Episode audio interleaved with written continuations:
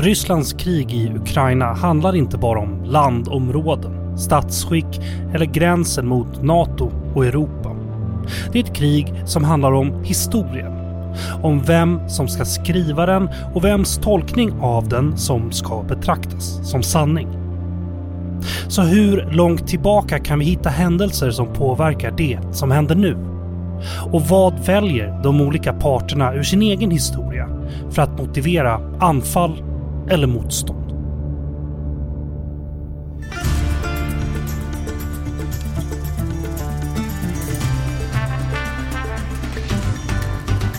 Du lyssnar på Utrikespolitiska institutets podd Utblick och jag heter Jonas Lövenberg. I det här avsnittet ska vi försöka förstå vad historien, synen på historien och de olika nationernas uppfattning om sin egen plats i den påverkar Rysslands aggressionskrig i Ukraina.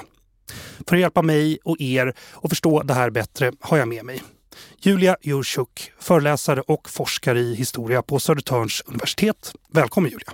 Tack! Och Stefan Ingvarsson, analytiker vid UIs Centrum för Östeuropastudier. Välkommen tillbaks! Tack så mycket! Jag ska också säga till er som lyssnar då att idén att göra det här samtalet som vi ska ha nu till ett avsnitt av Utblick kommer av att vi tre hade liknande samtal på Etnografiska i samband med ett evenemang som hette Peace and the Politics of Memory. Så det här kommer alltså handla om minnespolitik, vilket vi har pratat om förut i podden. Ja, med det sagt, jag tänkte att vi ska börja med att förklara två relevanta uttryck här. Vad är historierevisionism och vad är minnespolitik? Stefan? Så om man börjar med historierevisionism så brukar ju här, eh, den här termen användas negativt om mm. till exempel personer som vill spela ner nazisternas brott under andra världskriget, förneka förintelsen, liknande typer av rörelser, det vill säga man vill ändra den historiesyn vi är överens om. Men i det här kriget kan man ju också tala om en positiv historierevisionism. Det vill säga att samhällen och perspektiv som Ukraina eller Belarus som inte har kunnat formulera sin egen syn och sitt eget perspektiv på historien vill ta plats när man tidigare har försvunnit under ett sovjetiskt eller kanske under ett ryskt paraply. Mm. Eh, där både Ryssland och omvärlden betraktat händelser som har utspelat sig i Ukraina och i Belarus som en del av Rysslands historia eller Sovjetunionens historia. Så man kan också tänka sig en sorts positiv revisionism, det vill säga en, en positiv omskrivning av historien. Minnespolitik är ju vad alla stater ägnar sig åt. Det är när vi grundar museer över vissa ämnen och inte över andra. När vi reser statyer över vissa historiska personer och inte andra. Mm. När vi väljer vissa perspektiv i våra historieböcker och inte andra. Och det där har ju med att göra att historieskrivningen alltid tjänar vissa syften eh, för oss i nutiden. Att förklara vilka vi är, hur vår eh, historia ser ut, var vi kommer ifrån och vart vi är på väg. Så att man kan väl säga att historikeryrket handlar ju om att försöka motstå de här politiska trenderna och hitta andra sätt att värdera källor och värdera perspektiv.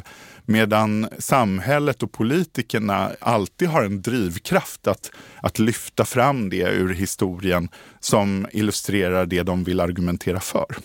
Julia, du är historiker. Vad säger du om beskrivningen? Eh, jag håller med och eh, det är precis så det är. Så, och, um, jätteofta vi historiker pratar om historierevisionism, inte bara i det här negativ meningen, men också i vetenskaplig mening. Så mm. att vi har nya källor till exempel och då kommer vi granska och eh, omvärdera vår historia eftersom vi har nya, kanske teorier också. Och även politik kan också påverka oss. Att vi, till exempel det här exempel med kolonialhistoria. Det mm. är just precis när Ukraina eller Kazakstan eller Belarus börjar berätta sin egen historia på ett um, nytt sätt. Och det är revisionism, men ändå det är någonting positivt eftersom man mm. kan berätta mer just med, med hjälp av det här teori eller den här blicken på historia. Just det, och det är det här vi ska prata om nu.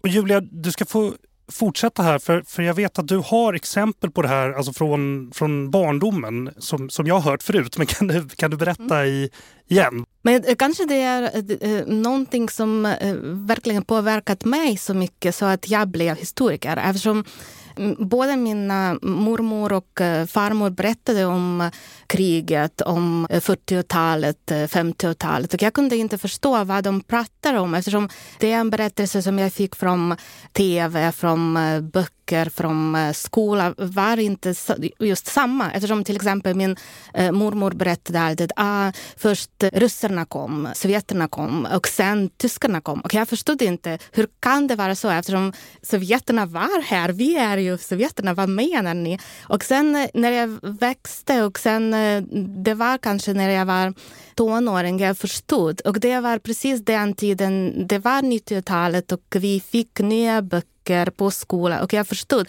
Och jag visste min uh, mormor till exempel, till exempel, hon visste ingenting om uh, Molotov-Ribbentrop.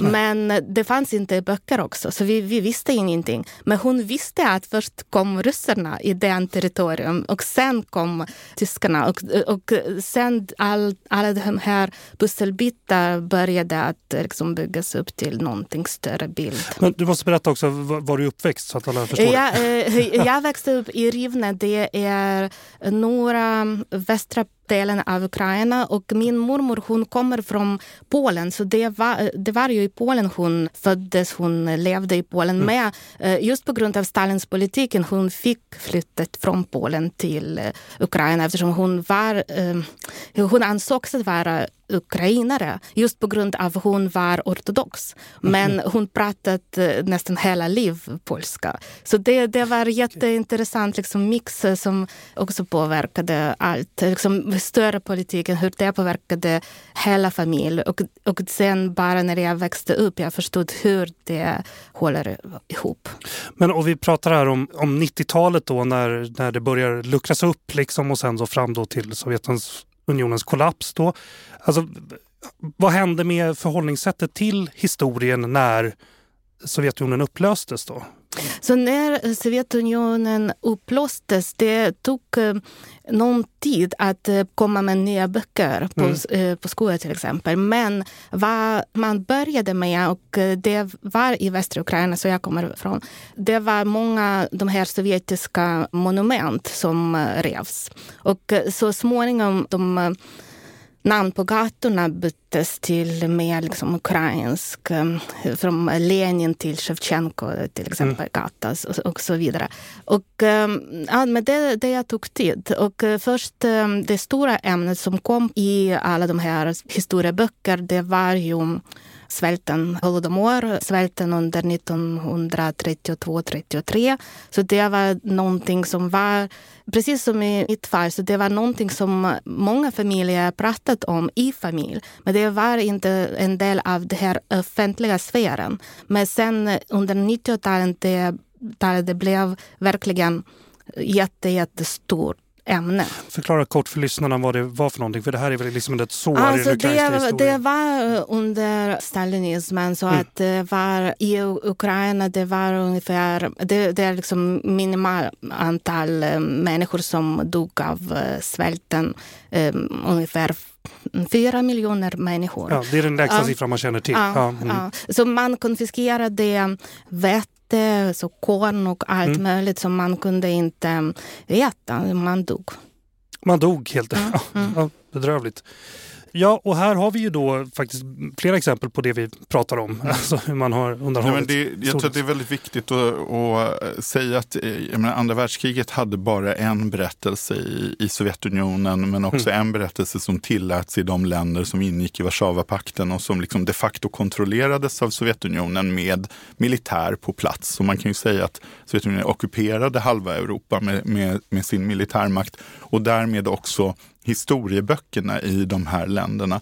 Så när sen allt det här föll ihop som ett kort, korthus från 89 och början på 90-talet så börjar ju alla nationer skriva sin historia på nytt. Mm. Och det här är inte helt enkla processer. Jag menar, vi vet ju Finland, Estland, det fanns eh, perioder när man också stred på tyskarnas sida. Det här är sånt som kan vara svårt att, att bearbeta i den egna historien. Det är sånt som ryssarna använder genom att säga att de här länderna var nazistiska. Och när vi pratar om den här så kallade avnazifieringen av Ukraina så är precis det man syftar på. Så man mm. försöker liksom använda skiljelinjerna som fanns under andra världskriget idag för att än en gång väcka en tanke om vem som är på den goda sidan, vem som är på den onda sidan. Mm. Men det viktigaste som man aldrig berättade i ryska skolor är ju att Visst, Ryssland var på många sätt en befriare, framförallt för fångarna i vissa koncentrationsläger, för människor som satt internerade i, eh, av tyskar. Men, men Sovjetunionen lämnade ju aldrig de här länderna utan fortsatte ockupera dem i ett halvt sekel. Och det är ingen som Trots att det står då alla dessa monument över Sovjetunionen som befriare så har lokalbefolkningen i, i, i, i Litauen, i Polen, i, i eh, Tjeckien, Slovakien aldrig sett det här som verkliga befriare. Och det här har liksom skapat en riktig spricka i upplevelsen av hur kriget faktiskt såg ut. Och eftersom man aldrig har fått veta det här så har man heller inte riktigt förstått. Jag tror att många ryssar har varit ganska vilsna i varför de inte riktigt är litade på eller varför folk tar illa upp när de säger vissa saker. Och jag tror att många ryssar har varit ganska handfallna i sin kontakt med grannländerna därför att de inte riktigt har kunnat orientera sig. För de, det är en så stor bit av deras historia. Och jag, menar, jag som på min mammas sida har polska och litauiska rötter har ju sen när jag blev äldre fått veta liksom, om, om våldtäkterna på polska kvinnor och att man petade ut ögonen ofta på polska kvinnor. För tyska kvinnor fick man ju våldta hur man ville, men, men polska kvinnor som sen skulle bli ett broderfolk fick man inte våldta, men man våldtog dem ändå. Och det här är inte för att påstå att just den sovjetiska armén var mer barbarisk än någon annan armé, utan mer bara för att säga att liksom, krig är barbariska. Och därför så är det väldigt viktigt när vi liksom bearbetar dem att vi talar sanningen om vad som hände och inte försöker försköna dem och få det att handla om liksom slag och hjältar och, och så vidare. Och så vidare. Men den sovjetiska historien var ju precis på det sättet, eller hur Julia? Det var jättekomplext eftersom det är ukrainsk fall till exempel. Så vi hade ju många ukrainare som var en del av sovjetisk armé. Så det var ju, när man pratar om Sovjetunionen som besegrade Hitler Hitler. Ukraina var en del av det här äh, sovjetiska armén som besegrade äh, Hitler. Och det var ungefär fem miljoner ukrainare som var i mm. Sovjet röda armé. Men sen det var som precis äh, Stefan berättade, det var en del av ukrainare som kämpade mot Sovjetunionen under kriget. Och de också valde tysk sidan. Och det är ju den här organisationen av eh, ukrainska nationalister som var den här um, stora organisationen. Men uh, som var uh, liksom på sidan av Hitler och um, under en tid. Men de var absolut um, marginella. De var kanske 300 000 människor under alla de här åren från 30-talet till 50-talet 80-talet. Så det var verkligen inte så många. Men sen när Ryssland eh, använder den här historien, de berättar bara en del mm. och inte den andra. Men för ukrainare det är precis den här kampen mot eh, Sovjetunionen av den organisationen som gäller. Så de inte pratar om den mörka sidan av den historien. Så mm. jag, jag har skrivit avhandling om just detta. Så att bara att förstå varför de demokratiska Eh, partier och aktörer idag varför de använder det historia eftersom det är helt eh, liksom, dumt. Men eh, det, det verkar att vara liksom, så att man tittar bara på den sidan där de var ju i kamp mot Sovjetunionen mot Ryssland med, liksom, för ukrainsk självständighet. Mm. Och de inte pratar om något annat. Och om man börjar prata att men vad, vad säger ni om just um, nazismen och uh, deras, eller den här organisationens um, syn på nazismen, då säger de nej men det är ryska propaganda. Så det är också ja. mycket, mycket komplex historia då. Stefan, vad, vad, vad händer om det finns delar av historien som man inte kan eller får tala om, som, som ni har tagit upp i de här exemplen? Ja, men en av de viktiga eller konsekvenserna var jag inne på, att man inte mm. förstår varandra och, och också att när ryssar då kom under de senaste 30 åren, kom till Polen eller kom till Litauen eller kom till Estland eller kom till Ukraina och, och sa massa saker som är självklarheter för dem, så upplever grannländerna det här som ett hot. För att då känner man någonstans, man, när man lyssnar på ryssar så hör man vi, de har inte lärt sig någonting. De har inte förstått någonting om våra relationer. De går omkring och tror sådana här saker som eh, Moskvapatriarken säger att Ryssland aldrig har anfallit ett annat eh, folk och att Ryssland alltid har varit offer. Och om man tar fingret och går längs den ryska federationens gränser så tror jag kanske, alltså med undantag för Norge där gränsen börjar längst upp mm. i norr, så tror jag inte att man hittar ett enda land som Ryssland inte har anfallit. Det, det, det är det här, diskrepansen mellan hur alla grannländer uppfattar detta land och hur de själva uppfattar sin mm. roll i historien. Det blir ju explosivt och det blir ju också ett bristande förtroende. För att om de inte har lärt sig någonting, då vet vi ju att de kan upprepa den här historien. Och det är ju precis det som sker just nu. Jag vill bara kanske lägga till att eh, till exempel för ukrainare idag det är jättesvårt. Eh, det triggar många känslor att eh, höra några ryssar som säger vi är mot krig eftersom vi är ju bröderna. Vi är inte bröder. Liksom. Det, det är verkligen någonting som är inte reflekterat på mm. något nivå i Ryssland. Så det hur man väljer även ord. Och det här bröderskap, det blir så påtryckande. Mm. Hur, hur uppfattar man en enskild ryss? Liksom ser, ser man i samhället det här större problemet och att det saknas information? Liksom tar man hänsyn till det? Eller hur, hur ser man på varandra? Eh, du menar före 2014, hur det var ja, då? Ja, precis. Ja, jag kan säga om mig själv och eh, mina vänner. Jag hade ju vänner i Ryssland och mm. Eh, det var bara liksom, det, det var lite löjligt när de pratade om det här liksom bröderskapet. De inte förstår att vi har helt annat språk. Eller som jag kan prata, som de säger, liksom med, att jag pratar så rätt eh, ryska. Så det, hur, hur, det kan vara så. Så det, det var verkligen löjligt. Och en vän en, en gång sa, jag berättade någonting om dröm, någonting sånt. Och eh, hon sa, men verkligen du ser dina drömmar på ukrainska då?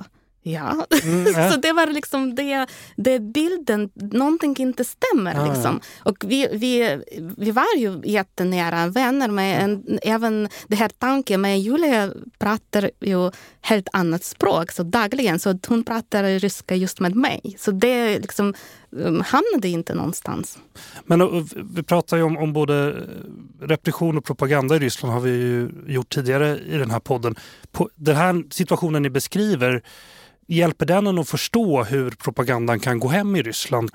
Alltså en, en, en vän till mig, författaren Sergej Levjev, jag, jag pratade med honom förra veckan för att jag också var frustrerad över mm. den senaste tidens propaganda. Och jag sa, kan man inte säga att propagandan har varit ganska misslyckad eftersom den inte lyckas producera någon riktig förklaring som ryssar kan tro på. Mm. Och då var han väldigt tydlig med att eh, det finns ett kontrakt att eh, liksom, man har haft för mycket ideologi. Efter Sovjetunionen är inte folk beredda att köpa en ny heltäckande ideologisk apparat. Så att det vågar inte ens Putin-regimen sig på. Utan att man ska förstå propagandan lite som ett eh, förråd. Alltså han sa att du ska tänka att bakom tv-studion där de här propagandisterna sitter så har de ett stort förråd med massa gamla symboler. Och så går de in i det här och egentligen är det minus 20 grader överallt men man försöker hitta någon symbol som fortfarande är plusgradig. Som liksom har någon värme. Mm. Och så tar man det, om det är liksom en sovjetisk symbol eller en ortodox symbol eller någon annan symbol, så tar man ut den i studion och så hoppas man att den här värmen som fortfarande finns kvar på något sätt ska stråla ut från studion så att man fortfarande kan engagera folk på mm. något sätt. Men det är det han var väldigt tydlig med. Man har liksom inte producerat ett nytt engagemang.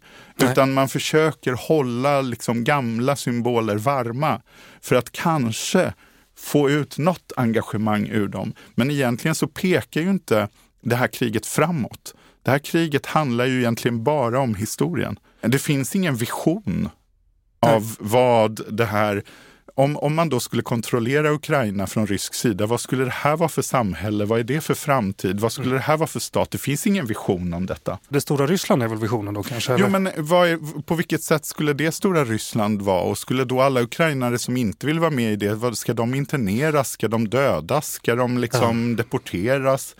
Ska Ukraina koloniseras med ryssar då? Eller vad, vad, är liksom, vad är planen? Det finns ingen plan. Ja, det finns ingen liksom, framtid i den här visionen, verkligen. Jag har en fråga till till Stefan bara. Jag vet att du har hållit på att jobba på en bok som handlar bland annat om, om hur Gulagfångarna har hanterats och hur de, varför det har gått som det gick för dem. Vad, där finns, vad har du hittat i det arbetet apropå det här information som saknas? Ja, men det är en lång research eh, som jag har ägnat mig åt. Och, och eh, det svåra tror jag med Sovjetunionens brott mot den egna befolkningen. Och det här är mm. också mm. viktigt att komma ihåg att ryssar ofta ser sig själva också som en sorts offer för den sovjetiska staten och mm. har svårt att, svårt att se sig själv i rollen som förövare då till exempel mot ukrainare. Utan man, man vill gärna det här med vem som egentligen är förövaren, det är lite otydligt i den ryska och tidigare sovjetiska självuppfattningen.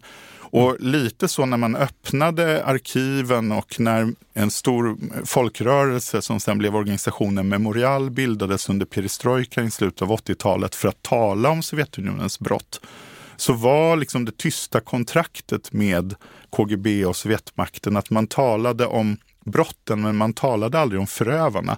Så på något magiskt sätt så är ju det här vem som fattade besluten om allt detta lidande och all denna död. Det är liksom lite mm, borttrollat. Och visst, liksom just när eh, repressionen var som värst 1937, då har vi dokument som visar att Stalin säger avrätta fler. I den här regionen har ni inte avrättat tillräckligt många, avrätta fler. Men det är egentligen undantag just 1937 som är liksom, kallas för den stora terrorn. Men, men Sovjetunionens avrättningar och Gulagsystemet börjar redan under Lenin och det fortsätter egentligen med framförallt estniska och ukrainska självständighetssträvare ända in i just den här tiden i slutet av 80-talet. Så att det är väldigt svårt idag, tror jag, för oss också som håller på med det här, att försöka bena ner var besluten fattas. Mm. För beslut fattas ofta som att vissa grupper av människor är oönskade. Så till exempel de så kallade kulakerna, det vill säga storbönderna, det vill säga de bönder som hade kanske någon, någon dräng eller någon piga eller lite mer kor än andra. Mm. De skulle avlägsnas.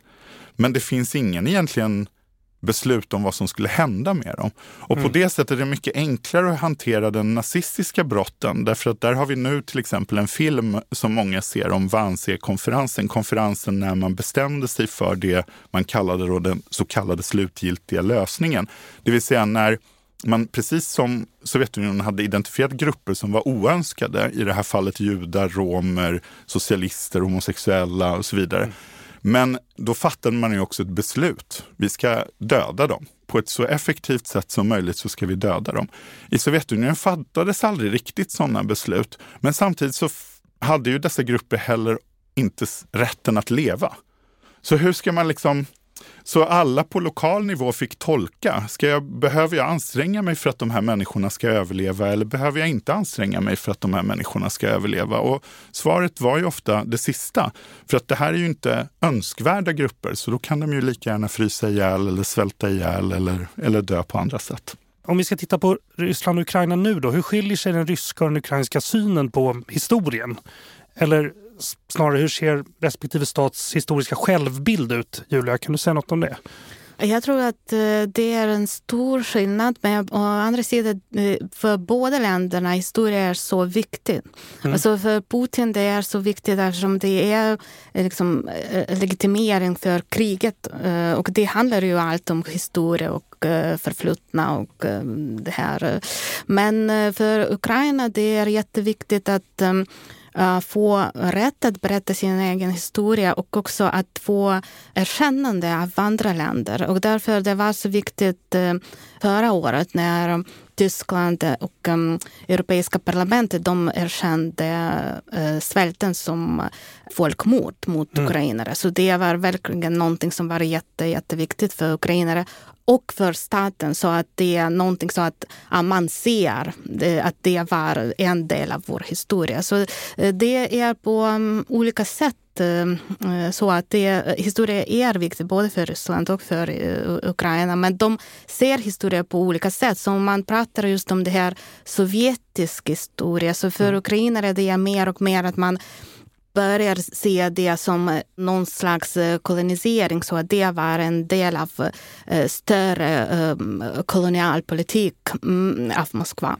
Men å andra sidan, för historiker är det jätteviktigt att se hela den här dynamiken eftersom kolonisering det är alltid någonting större än bara att säga det är kolonisator och det som koloniseras eftersom sen ukrainare blir de som används i krig, till exempel i Afghanistan eller mm. de som kommer i några operationer i, operationer i Afrika. Eller även eh, de blir en del av det här eh, utbildning, disciplineringspolitik i Kazakstan, Uzbekistan och så vidare. Så det är en jättekomplex historia sen. Om man omvärderar och granskar den historien, det blir jätte komplex. Och det, det blir komplext för historiker att skriva alla de här mindre berättelser, mindre historier.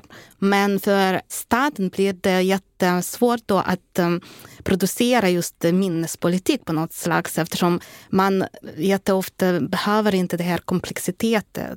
Förlåt, får jag ställa frågan så här? Tror jag. Skulle vi kunna säga något om skillnaden på Ryssland och Ukrainas anspråk då, historiskt? För ukrainare och för Ukraina, anspråket är ju att eh, liksom erkänna för sig själv också att eh, det var, vi var en del av eh, Sovjetunionen, även om vi tänker om oss som en del av det här koloniseringen och som vi var koloniserade. Men ändå men de var, de var både förtryckta men också en del av, av maktapparaten. Vad ska ja, säga, jag, jag, jag, kan också, i, när jag har rest mycket i Ryssland mm. och i Sibirien och i, i eh, det som kallas för ryska fjärran östern, alltså mm. runt Vladivostok så träffar jag många människor som, är, som säger jag är ukrainare. Jag skulle jättegärna vilja åka till dem idag och, och fråga dem vad betyder det här nu i ljuset av det fullskaliga kriget. Men det är klart att det Julia är inne på är ju en, en svår komplex eh, sammantvinning mm. av Ukraina och Ryssland i, när Ryssland sen blev ett imperium och Sovjetunionen var ett imperium. Sibirien erövrades väldigt mycket av kosacker, vissa av dem var från Ukraina. Mm. Eh, det var väldigt många ukrainare som flyttade till Sibirien och blev bosättare i Sibirien och i andra delar av Sovjetunionen. Så att, jag menar, allt det här hänger på ett intrikat sätt ihop. Och det kan mm. man ju också säga till exempel om skottar och irländare i det brittiska imperiet. Att å ena sidan är de liksom kanske de första som England lägger under sig och förtrycker deras kultur och deras språk och traditioner. Men sen så blir ju skottar och irländare också en del av det brittiska imperiets kolonisering av andra länder. Mm. Så att jag menar, det, där, det, det finns så mycket att beskriva. Mm. Och, och för ukrainare tror jag är jätteviktigt att um, Eh, andra ser det att eh, det fanns förtrycket. Att det ukrainska språket till exempel, det förtrycktes mycket. Och, och, samma sätt med kultur till exempel. Så att ukrainsk kultur kunde inte utvecklas som det skulle. Så det är en jättestor fråga just om erkännande tror jag. Så och det, det tror jag också, verkligen... precis. Innan vi går över till att tala om de mer komplicerade andra bitarna så tror jag att vi omvärlden måste förstå till exempel att i, i slutet av 1800-talet när hela Ryssland gick in i en så kallad förryskningsideologi där minoritetsspråken över hela Ryssland, inklusive Ukraina, bekämpades, då förbjöds det ukrainska språket. Man fick inte trycka böcker på ukrainska. Så en hel generation Ukrainsk eh, litteratur var förbjuden och de som ville skriva var tvungna att skriva på ryska. Och att sen när för Sovjetunionen gick igenom lite olika perioder av inställning till minoritetsspråken. Och när man precis efter första världskriget, när Sovjetunionen fortfarande är svagt och Lenin måste övertyga olika delar av det här landet att hänga på bolsjevikernas projekt, då ger man ofta minoriteterna rättigheter och då kommer en ny renässans av ukrainsk litteratur. Och det vi inte vet är ju att Sovjetunionen avrättade alla dessa. Alltså all, all, alla. Alla konstnärer, alla pjäsförfattare, alla författare, intellektuella. Liksom ett, ett, ett jättemord av liksom eh, hela den nya våg av ukrainsk kultur. Så att innan vi liksom sätter oss in i nyanserna av eh, hur Ukraina har spelat in i andra koloniala processer så är det väldigt viktigt att bara förstå var, var det här kommer ifrån, den här skillnaden i bild. Att det är först nu egentligen som Ukraina har haft en reell chans att börja en sorts kulturell pånyttfödelse och då kommer det här kriget igen. Mm. Och eh, till exempel där Ukraina nu river alla de här mm, sovjetiska monument. Så det är jätteofta kritiseras i västen så att ja, det är så barbariskt. Men å andra sidan om man förstår varför de gör det, varför det är så viktigt. Så man eh, byter perspektiv, man tittar på det från Ukrainas perspektiv och då kan man förstå eftersom det är just samma process som var i mm, USA några år sedan när de eh, protesterade mot alla de här monument mot konfederaterna till exempel. Så det är ju det här arvet, kolonialt arvet man vill bara ta bort och inte mm. ha det nu när kriget pågår. Så det är så viktigt vad intressant för jag tänker att i, det pågår ju på många, många ställen. Menar, britterna har ju behövt lämna tillbaka en massa saker även om de, det finns ganska mycket grejer på British Museum fortfarande som kanske borde lämnas tillbaka vi, svenska staten förhåller sig till samerna, vill lämna, försöker lämna tillbaka saker och sånt där. Har det där varit långsammare liksom, i, i, i den här delen av världen, alltså mellan Ukraina och, och Ryssland? Liksom? Nej, Ryssland kom aldrig till den uh, punkten. Nej. De erkände att okay, det var ju en del av kolonisering. Mm. Nu kommer vi till något rätta här. Nej, det, det finns det, ingen vitbok? Nej, liksom. nej. nej. Och eh, just nu vad som pågår, de eh, plundrar alla museer och uh, bibliotek bibliotek, allt. Så det är verkligen, nu det är Just det, de tömde väl den här graven med någon... Eh, ja, alltså vi, vi, vi, måste, ja, vi måste också säga att vi, vi vet inte alla detaljer. Nej, men mycket, nej, nej, jo, om graven ja, men alltså om, om bibliotek och så vidare, bara, bara så att vi... Mm. Allt tyder på att man, mm. eh, och det finns mycket vittnesmål om, att man eh, packar ihop en hel del museiföremål och tar dem till Ryssland. Ryssarna hävdar att de skyddar dem från eh, Eh, förstörelse. Men vi har också sett tidigare under annekteringen av Krim att eh, man lät, alltså även om man kontrollerar Krim så vill man ändå ta godbitarna in i Ryssland från det ockuperade Krim. Men eh, ja, den här graven är ju, alltså om vi pratar om den biten av Ukraina som är runt staden Cherson så är ju det här gamla gränsmarker mellan Ukraina och olika turktalande folk och tatarer och eh, det osmanska imperiet. Och under Katarina den stora så gjorde man en framryckning till Svarta havet och Cherson grundades då av den, liksom, det ryska imperiet. Och där begravde man också det man tror var han, hennes älskare, eller i alla fall hennes favorit, prins Potjomkin. Så att det är också lite speciellt att liksom när man lämnar Cherson så tar man liksom med sig det är som att man, man kände att den här marken aldrig var ens egen egentligen, utan man liksom tar med sig de ryska symbolerna tillbaka till Ryssland. Så det, ja, det är den här prinsen som man har ja, tagit med sig. så när man liksom tar med sig den här prinsens lik, då är det liksom som att man också erkänner att man är ett imperium som har varit här i, i några hundra år, men nu backar tillbaka och drar sig tillbaka mot Moskva. Vad spelar Ukrainas och Rysslands olika idéer om det förflutna för roll i liksom det kriget som pågår nu? Det här var ett jättebra exempel. Ja till exempel. Ja. Men eh, den här retoriken med avnazifieringen. Mm, då, och då ska man komma ihåg att under hela Sovjettiden så var liksom hela eh, begreppet ukrainska nationalister, det var liksom ett starkt infekterat ord.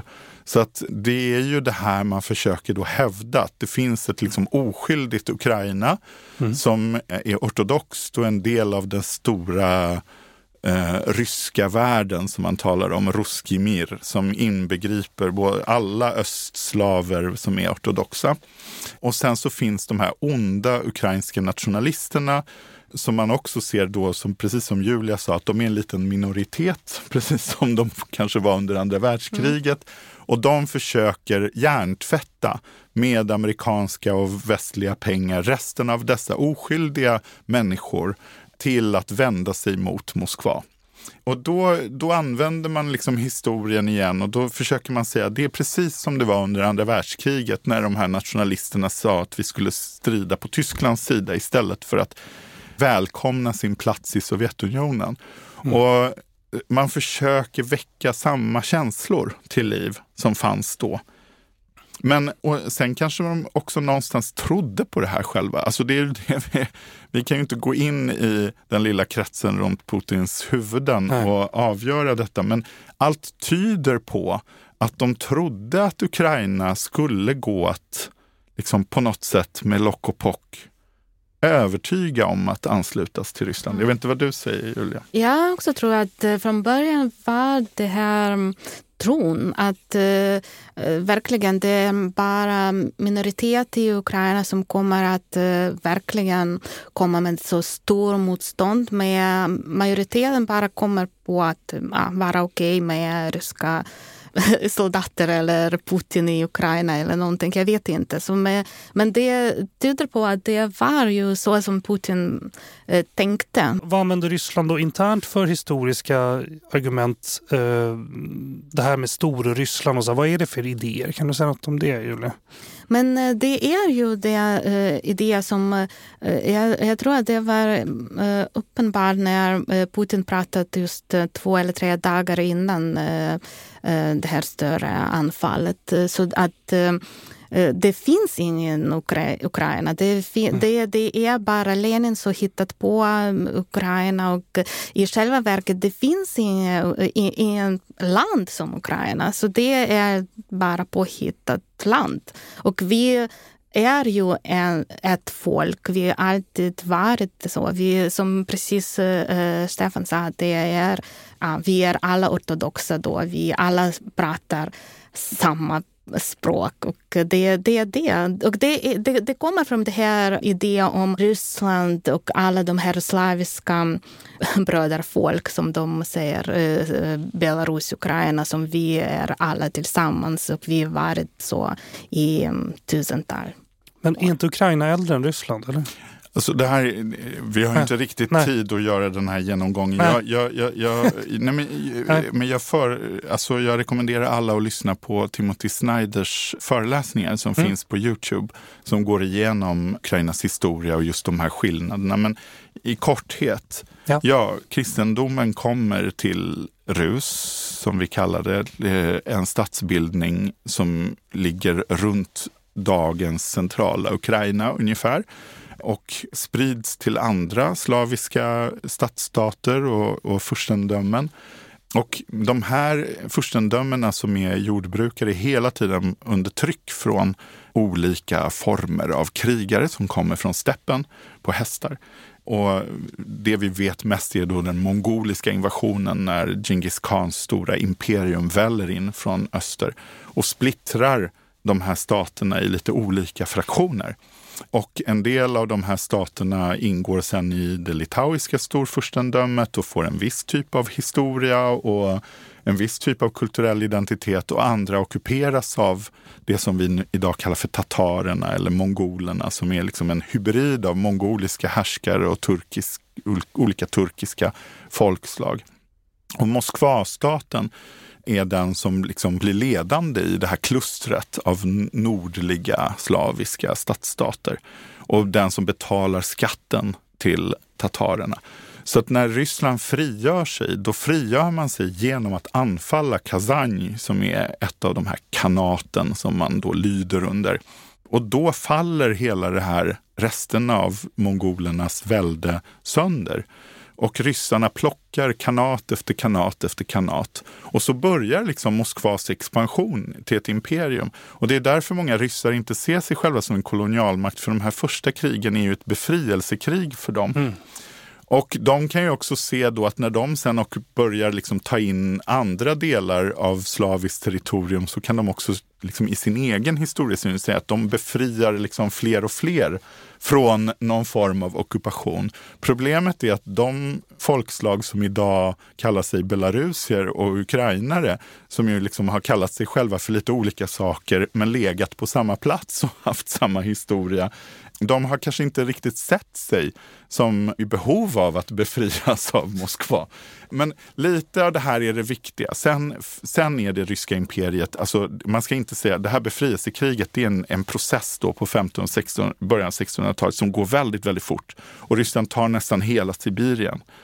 Men sen när man ger sig in i Centralasien, när man ger sig in i norra Kaukasien, södra Kaukasien, då är det regelrätta kolonialkrig. Och då kommer britterna från andra sidan och, och Osmanska imperiet från andra sidan. Då är det eröv, blodiga mm, koloniala erövringar. Ja, precis, mellan stormakter. Mellan stormakter, ja. precis som andra europeiska imperier. Mm. Vi pratade där om, om när Sovjetunionen föll sönder eh, i bör, precis i början av 90-talet så hur historiesynen ändrades. Men går det att säga något mer i närtid om hur Ukrainas historiesyn har förändrats? Hur eh, det? Just, eh, mm, eh, just nu ska jag säga att det är mer och mer prat just om det här kolonisering och att Ryssland var kolonisator och vi var en koloni och det, det, det en jättestor grej nu för ukrainare och Ukraina. Så det, och, um, ja, och jag tror att det är ju att själva kriget påverkar eh, hur även förflutna minns och hur vi eh, kanske minns eh, ja, nutiden. Eftersom det är ju så många människor som um, dör just nu. Mm. Så att just nu det är ju nya hjältar som kommer. Och, uh, det är mindre och mindre plats för just förflutna så att det är nutid som eh, blir till förflutna jättesnabbt. Ja, det blir så mycket det det. historia som skrivs just nu. Ja, precis. Ja. Men, men jag tänker, händer det något 2014 då med, med historiesynen? hela med det här dekolonisering och kolonial historia och allt detta, det började just efter 2014. Mm. Så det, det var en jättestor liksom, kick. Men och sen så jag, jag tänker också eftersom Ukraina har sökt sig mot EU, mot Nato och sådär. Spelar historiesynen någon roll för de här stegen liksom att vända sig mot Nej, men det är jättestor roll just hur andra länder ser uh, Ukraina. Så mm. det är just det som jag pratat om, erkännande, till exempel när Holodomor eller svälten var erkänd som folkmord. Det var en jättestor sak för Ukraina. Och eh, det är också någonting som eh, kanske just nu, det är ju eh, ah, uppenbart hur till exempel Tyskland ser Ukraina helt på annat sätt än Ukraina ser sig själv eftersom Tyskland vägrar att hjälpa Ukraina så som Ukraina vill uh, få hjälp. Men ändå, uh, de kanske ser det som ah, men vi, vi kan inte hjälpa eftersom vi var ju uh, under andra kriget, vi var ju de här rövrare och, och alltså vi, vi, vi vågar inte. Men de tänker inte att det var ju Ukraina med i Sovjetunionen och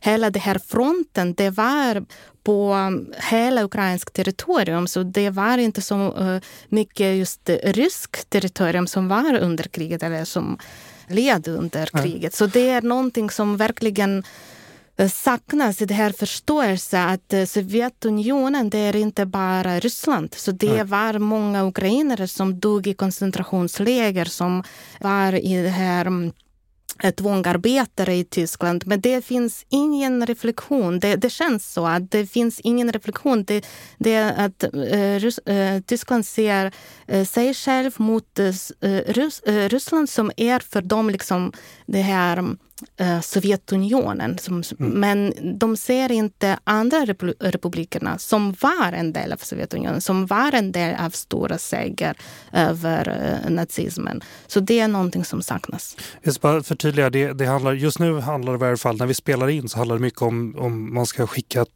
tyska pansarvagnar till Ukraina för det är den hjälp de inte har mm. fått ändå för att vinna mm kriget på marken. Stefan, du ville säga något? Ja, jag tycker Julia ger, det är jättebra att du tar upp det här. För att mm. om vi ska prata om på vilket sätt historien spelar in i just hur omvärlden ser mm. på och eh, även då svenska bedömare. Och nu sen, senaste veckan hörde jag i radio en i övrigt mycket kunnig svensk person upprepa just det här att eh, tyskarnas tvekan att skicka pansarvagnar måste förstås därför att, och så säger han i, svensk, liksom i Sveriges Radio, 21 miljoner ryssar dog i andra världskriget.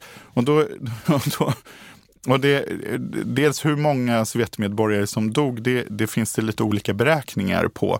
Men eh, de var ju framförallt, de var ju inte ryssar. Och eh, andra världskriget utspelade sig framförallt på Belarus och Ukrainas territorium. Och är det något nuvarande folk som verkligen var i liksom stridens mitt så är det Belarus och en stor del av Ukraina. Och det blir jättekonstigt.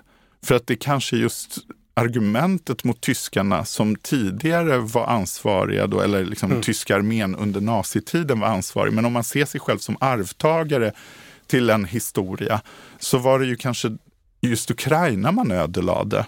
Och att man kanske har ett ansvar för att Ryssland inte ödelägger Ukraina igen. Mm. mm. Men det, det, här, det är därför det är så bra att du tar upp det här Julia. För att jag, jag känner att sådana här historien just nu spelar en roll. För att om det här är argument som används, så i konsekvensen av det här kan vara tiotusentals ukrainska liv åt det ena eller andra hållet beroende på vilka historiska argument man lyssnar på. Ja, visst, och ukrainarna själva säger väl här att de behöver de här vapnen för att färre ska förlora livet. Om man uh, lyssnar på ukrainare, de säger att det är um, mer uh, vapen de uh, får, desto liksom, Eh, större chanser att leva. Så det är, in, ja. det är en jättesvår fråga för ukrainare. Vi har ju exempel på hur de ryska ockupanterna har använt propaganda och tvingat på skolor nya historieböcker eh, där de skriver att den här aggressionen mot Ukraina eh, redan är liksom inskriven i böckerna som ett rättfärdigt krig och så vidare. Är det här något försök att ta kontroll över historieskrivningen innan historien riktigt har inträffat? Ja, absolut. Jag menar, absolut. Och eh, jag menar, allt, hela idén de har eh, går ju tillbaka till det här vi pratade om, att ukrainare ses som någon sorts oskyldigt offer för en indoktrinering. Och därför så har man de här så kallade filtreringslägren då, där man filtrerar bort de som är liksom bortom hjälp indoktrinerade från de som man tror att man ska kunna indoktrinera själva då. Med nya berättelser, nya historieböcker och så vidare. Och så vidare. så det, det är ju verkligen en sån process som pågår i de ockuperade delarna av Ukraina där man liksom tar hela befolkningen så filtrerar man de mm. man tror att man ska kunna övertyga och hjärntvätta med sin historiesyn från de och då vet, vi vet ju inte riktigt vad som händer med dem då som bedöms som eh, omöjliga att konvertera till en rysk eh, syn. Det här påminner ju mig då om den här berättelsen du, du hade om, om din, din barndom i, i början här av programmet. Alltså, vad, vad ser du för likheter? Ehm, men det är ju likheter så att man kommer att ha olika berättelser hemma och eh, på skolan. Så eftersom jag tror att ändå de människor under uh, ockupationen, de, många av dem vet att, eh, att det är kriget och just på grund av kriget de lever just nu i någon republik, inte i Ukraina. Så det, är, det är någonting de förstår. Men, men ändå, det kommer att vara stor skillnad mellan det här offentliga Eh, minnespolitiken och eh, vad man pratar om eh, hemma. Och det var ett jättefint exempel från igår eller föregår. Så att Luhansk, så kallade Luhanskrepubliken de publicerade det, Ministerium för utbildning publicerade listor av böcker böcker som är ju eh, förbjudna nu i republiken. Och eh, många av eh, mina vänner som är författare eller historiker, de är på den listan. De, de, de skrivit på Facebook liksom, att det är stor ära att de vet att de existerar och de är liksom, mm. ja, förbjuder dem. Nej, men det är sarkasm. Visst. Ja, visst, men, men vad absurt att se ja, men det är absurt. Lista. Ja. Mm innan kriget då blev fullskaligt så såg vi att repressionen ökade i, i Ryssland. Det har vi ju också pratat om här i podden och det mest eh, det allvarligaste exemplet är hur man förbjöd organisationen Memorial som ju handlar, som har arbetat med minnet av kriget och så där. Så vad, vad kan man säga om det? Hur försöker man kontrollera de som minns och historien i sig inne i Ryssland? Två aspekter av det här. För det första så försöker man trycka ner hela civilsamhället så att det inte ska kunna vara ett eh, organ för motstånd och missnöje. Mm. Så att man har velat liksom kontrollera allting. Men sen inom Memorial så har man ju också grävt och vänt på de stenar som ingen vill att man vänder på. Eh, och där har vi till exempel en historiker i Karelen, Jurij Dmitriev, som nu avtjänar ett långt fängelsestraff som var en lokal historiker som grävde upp en, en avrättningsplats i Karelen. Och det speciella med den här avrättningsplatsen, Sandermoch, är att väldigt många av de här ukrainare vi talade om, som var den här nya vågen av ukrainsk kultur och vetenskap i det tidiga Sovjetunionen, de är avrättade med nackskott i den här skogen och begravda där. Och han började beskriva vilka som finns där. Och en gång om året när han minneshöll avrättningen så bjöd han alltid in ukrainska representanter. Han bjöd in alla länder vars ja, medlemmar finns begravda där. Men framförallt ukrainare för att det var många ukrainare som var mördade där. Och efter 2014 så fick han en tydlig signal från den ryska säkerhetstjänsten att han inte längre skulle göra detta och då sa han nej. Och då började man fingera en eh, rättslig process mot honom där han skulle ha begått sexuella övergrepp mot sin adoptivdotter. Helt fingerade. Och det här visar ju också hur mycket man vill liksom trycka tillbaka mm. sanningen. För att den finns ju där. Börjar man titta i ryska arkiv, börjar man titta på den sovjetiska historien, så vet man ju att de här, de här exemplen på att förtrycket mot Ukraina, att den här politiken mot Ukraina som vi ser just nu, den har på, det, det här är inget nytt. Den, den, den pågick på 1880-talet, den pågick på 1930-talet och den pågår idag. Och det är det här man inte vill ska komma upp till ytan vi pratade för en stund sedan om hur den externa synen på Ukraina har, har förändrats och sådär. Kommer den förändras ytterligare på något sätt, tror ni, Stefan? Var är vi på väg i det? Alltså det är massa poletter som håller på att trilla ner och mm. därför är det så viktigt med just personer som Timothy Snyder och andra historiker i väst som liksom envetet försöker förklara för oss att vi har haft en rysk, internaliserat en rysk syn på vissa historiska händelser och vi har betraktat Sovjetunionen eller ryska imperiet som ett, ett land, ett folk utan att se all den variation som finns. Och det gäller ju inte bara Ukraina utan massor med minoriteter som lever inom Ryssland idag. Jakuter, eh, kalmyker, burjater, udmurter, tatarer, eh, mari, komi och så vidare. och så vidare. Som själva har känt av samma process som ukrainare har gjort. Och det här är ju någonting som ligger, ligger liksom trycker inuti. Så vi måste ju någonstans förstå att den eh, postkoloniala blick som vi har börjat lära oss att ha på omvärlden i Europa, den måste vi också börja rikta österut. Mm. På något sätt har Ryssland liksom fått ett sorts undantag. Och just den ryska imperialismen är den enda imperialism som inte har behandlats på samma sätt som den franska eller den österrikiska eller den brittiska. Vi brukar prata om just behovet av decentrera berättelser så att eh, titta på andra länder som Belarus, som Ukraina, som Kazakstan. Inte från eh, Moskva, men från, utifrån det land och eh, utifrån det mm, folkets perspektiv som bor i det landet. I början av den fullskaliga invasionen här så kunde man höra hur man ur ett försvars en försvarssynvinkel så här, men vi kanske skulle ha lyssnat mer på Finland och de här gränsländerna mot Ryssland. Kommer den synen förändras? Tror ni? Kommer man vara villig att lyssna på Rysslands grannar på ett annat sätt? Alltså det, det är ju någonting vi hoppas, men det, det här är ju processen som pågår inom EU mm. och pågår inom Nato. Det vill säga de länder som har själva en erfarenhet av eh, rysk och sovjetisk ockupation mm. och som också hela tiden har hört den här skillnaden i hur, alltså tillbaka till det vi pratat om egentligen i den här podden. Alla som vet vad man säger och därför vad man tror och hur man tänker. Och som har känt att det här kriget är existentiellt även för dem. För så känner ju ester, polacker. Mm. De känner att det här är ett existentiellt krig för dem. För vinner Ryssland i Ukraina så känner de vi är nästa. Medan andra länder som inte in, ingår i liksom vad man ska säga, Rysslands uppfattning av vilka länder de har rätt att styra över och kontrollera i Frankrike eller Tyskland, de kanske ser på det här på ett lite annat sätt.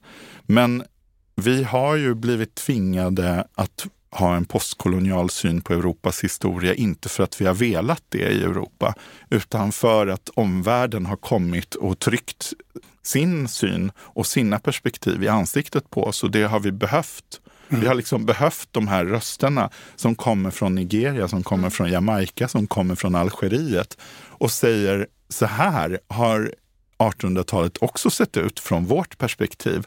Och det är väl det vi ser nu.